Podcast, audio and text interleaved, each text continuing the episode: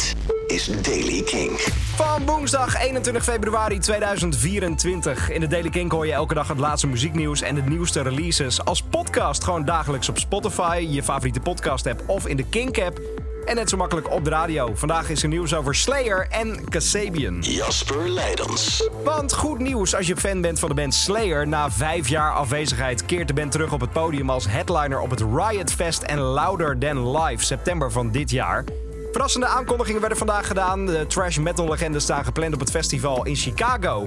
20 tot 22 september. Zullen de week daarna, vrijdag 27 september, op het hoofdpodium van Louder Than Live in Kentucky spelen.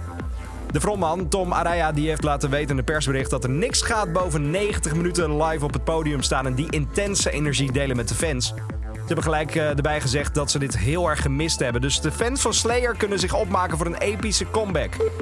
Over epische comebacks gesproken, ja of misschien wel niet. Kasabian knalt erin met een uh, nieuwe single die heet Call. En ze hebben direct ook wat details onthuld over het achtste album, gaat Happenings heten.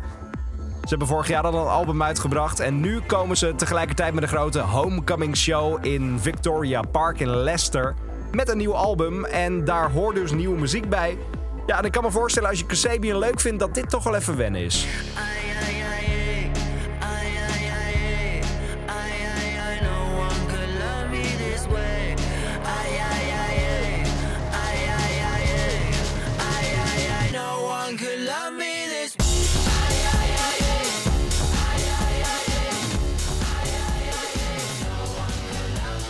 Kan me voorstellen dat je denkt, ai ai ai.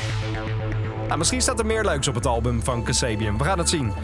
Tot zover deze editie van de Daily Kink, die van woensdag 21 februari. Morgen gewoon nieuwe. En ik zou zeggen, abonneer je op de Spotify playlist of op de Spotify podcast. Want dan kun je hem 5 sterren geven en deze podcast verder helpen. Elke dag het laatste muzieknieuws en de belangrijkste releases in de Daily Kink. Check hem op kink.nl of vraag om Daily Kink aan je smart speaker.